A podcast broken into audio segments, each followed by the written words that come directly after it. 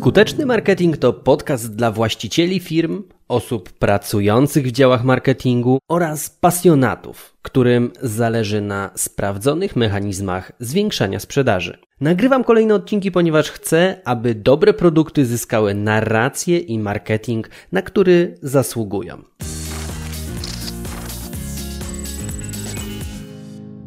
Dzisiaj będzie odrobinę luźniej, tak trochę wakacyjnie powiedziałbym. Dlaczego? A bo ten odcinek podcastu nagrywam w odpowiedzi na wiele ciekawych reklam, które widzę w różnych miejscach. Ale zanim do tego przejdę, to krótkie intro, aby wprowadzić Cię w kontekst. Skoro słuchasz tego odcinka, to najpewniej prowadzisz firmę, projekt, biznes, startup cokolwiek. Zastanawiało Cię kiedyś, co to tak naprawdę oznacza, co właściwie oznacza prowadzenie firmy? No bo sprzedajesz produkty, dbasz o rozgłos, wystawiasz faktury, jesteś twarzą marki, coś z tej listy robisz? Nic? A może wszystko po trochu? Wykonujesz jakieś czynności operacyjne, czy pracujesz już wyłącznie nad firmą? No bo Prowadzenie firmy to jedyne zadanie przedsiębiorcy. Zastanawia mnie to, mm, bo na co dzień mijamy prawdopodobnie te same reklamy. Posłuchaj i zobacz, czy to również dotyczy Ciebie. Biuro rachunkowe. My zajmiemy się finansami, a Ty skupisz się na prowadzeniu firmy. Call center.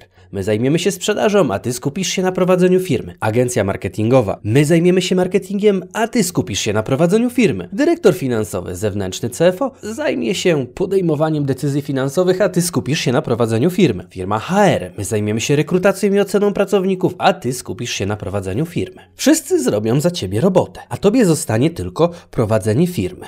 Czyli tak naprawdę co? Wokół czego muszą się skupiać Twoje działania jako właściciela, kiedy wszystko delegujesz podwykonawcom? A więc prowadzenie firmy, czyli na chłopski rozum to szereg czynności, dzięki którym przedsiębiorstwo funkcjonuje i mówiąc w skrócie ma coraz więcej hajsu. Wynotowałem sobie 7 takich zadań każdego przedsiębiorcy, których finał, finałów nie da się prawdopodobnie zdelegować. I tutaj lecimy z tematem. Po pierwsze jest to określenie strategii, wizji i halucynacji. No bo tu już oczywiście żartuję, ale jesteś kapitanem statku i przed wypłynięciem musisz w ogóle znać koordynaty, aby nie osiąść na mieliźnie. Poza wskazaniem kierunku, dyrygujesz też tempem podróży, definiujesz i dostosowujesz właśnie tą mitologiczną strategię biznesową. Dotyczy to na przykład tematu, produktu lub usług, które firma oferuje, segmentów rynków, które chce obsługiwać, jak również ogólnego kierunku, gdzie chcemy być. To ty jako przedsiębiorca pokazujesz palcem, w którą stronę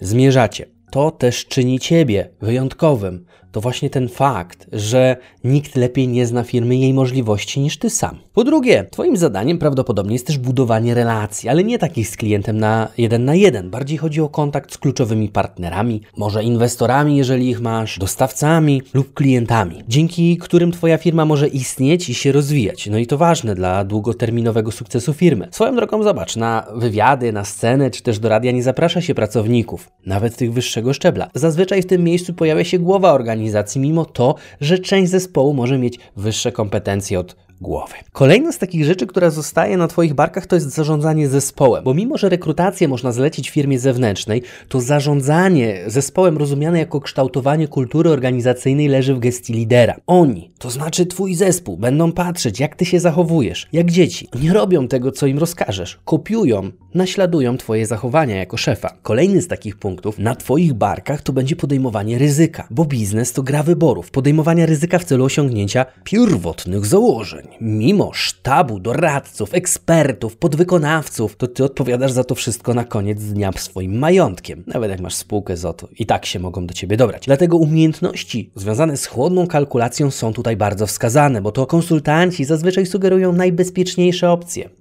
No jasne, bo grunt to nie stracić swojego kontraktu. Jeżeli chodzi o zarządzanie zmianą, to jest to kolejny element, który jest w arsenale zadań przedsiębiorcy i tak zwanego prowadzenia firmy. To oznacza, że firma musi dostosowywać się do warunków rynkowych, nawet jeśli na dany moment nie czuje na plecach oddechu konkurencji. To jest naprawdę jedno z kluczowych zadań tego topowego lidera. Analiza zmieniających się wiatrów w branży, wyciąganie wniosków i wdrażanie później tych zmian, czyli pilnowanie podejmowanie egzekucji. Jeżeli sytuacja wymaga zwolnień załogi, no to jako właściciel wykonasz ten ruch jako pierwszy, odetniesz kotwicę. Do tego czasami nic nie sprawdza się lepiej niż tak zwane czucie w bebechach, które może mieć zazwyczaj tylko osoba najmocniej połączona pępowiną z biznesem, czyli jej founder, właściciel. Kolejny z tych punktów, które sobie tak e, przemyślałem, to jest decydowanie o portfolio produktów. I to jest dosyć ciekawy wątek, no bo popatrz, możesz mieć zatrudnionych specjalistów od analiz rynkowych, no ale znowu, finalnie to ty swoimi pieniędzmi i decyzjami sterujesz tym, jakie produkty importujesz, jakie wprowadzasz na rynek lub jakie usługi sprzedajesz i w ogóle za ile to robisz. Możesz słuchać wielu głosów z zewnątrz, ale oprócz sugestii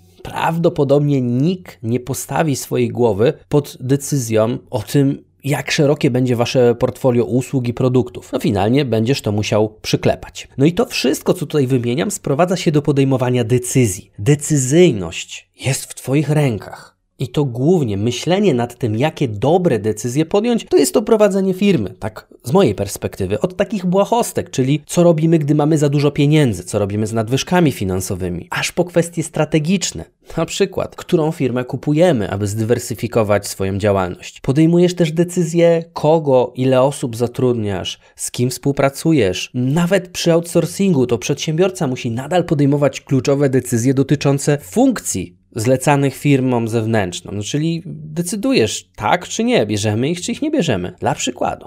Mimo zleconego marketingu, ostateczne decyzje strategiczne nad przyklepaniem strategii, budżetu, no to w wielu organizacjach, naprawdę, nawet tych całkiem dużych, leżą w gestii podpisu prezesa, foundera, szefa szefów, capo di tutto capi.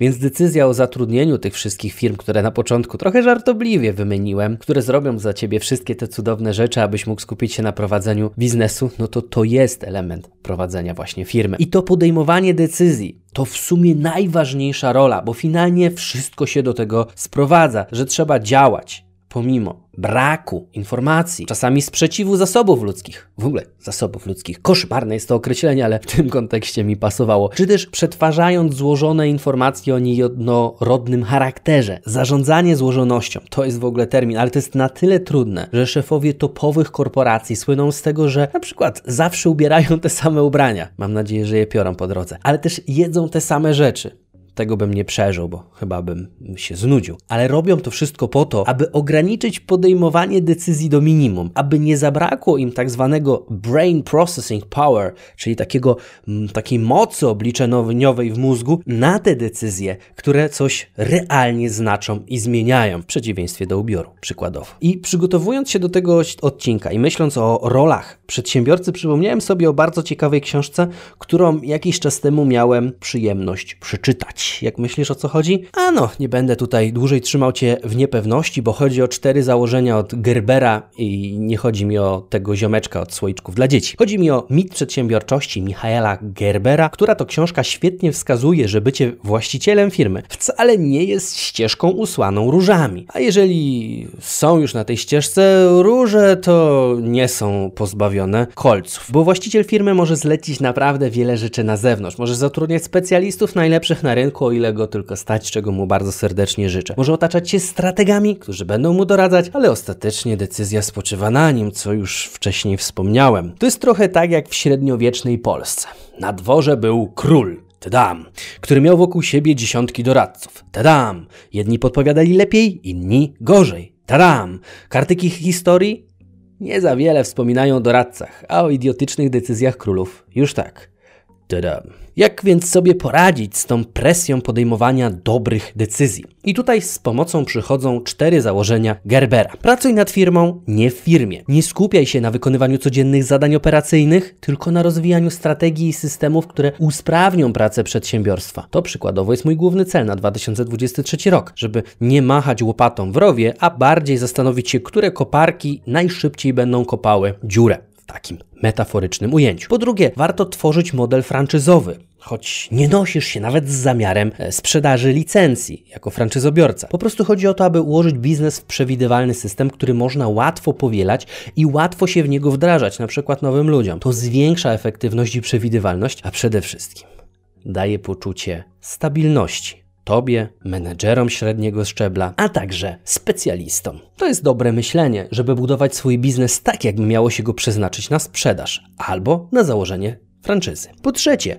odseparuj się od firmy. Twoja działalność powinna być zorganizowana w ten sposób, aby cała ta organizacja funkcjonowała bez Twojej bezpośredniej ingerencji. I tu wracamy do punktu wyżej a propos franczyzy. Systemy i procedury pozwalają zachować płynność myślenia i działania. I to jest bardzo ważne, bo kiedy ty jesteś główną machiną napędową w firmie, to jesteś też największym blokerem, największym klinem, który blokuje działalność. I to, co radzę ci, takie ćwiczenie po tym podcaście, które ja dosyć często wykonuję, to pisz sobie wszystkie rzeczy, które wykonujesz w ramach tak zwanego prowadzenia firmy. Im więcej uda ci się ich delegować, tym więcej Twoja firma będzie osiągać. I to jest też element czwartego punktu, czyli użyj strategii wyjścia. Gerber radzi, aby być gotowym na wdrożenie strategii wyjścia i od samego początku musisz mieć plan, co zrobisz z firmą, gdy pewnego dnia ją opuścisz i to nie Chodzi o to opuszczenie, które tam jest się niesionym w drewnianej skrzynce. Raczej chodzi o to, że to już będziesz sobie tam pływać po Malediwach, czy gdzie tam lubisz swoją łódeczką, a firma będzie działała bez ciebie.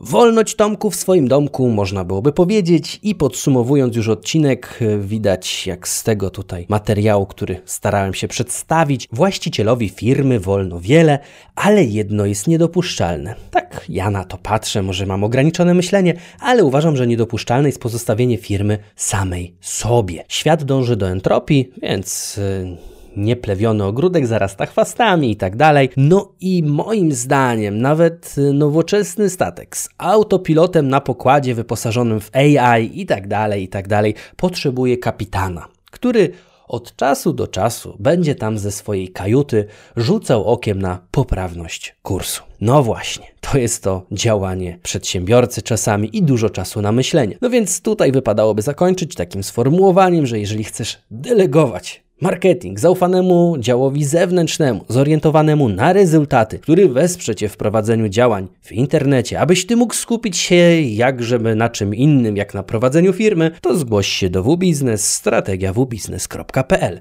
A ja liczę na to, że po wysłuchaniu tego odcinka rozszerzy się Twój sposób patrzenia na marketing. Tymczasem słuchaj, wdrażaj i zarabiaj i prowadź swoją firmę. Ja trzymam za Ciebie kciuki.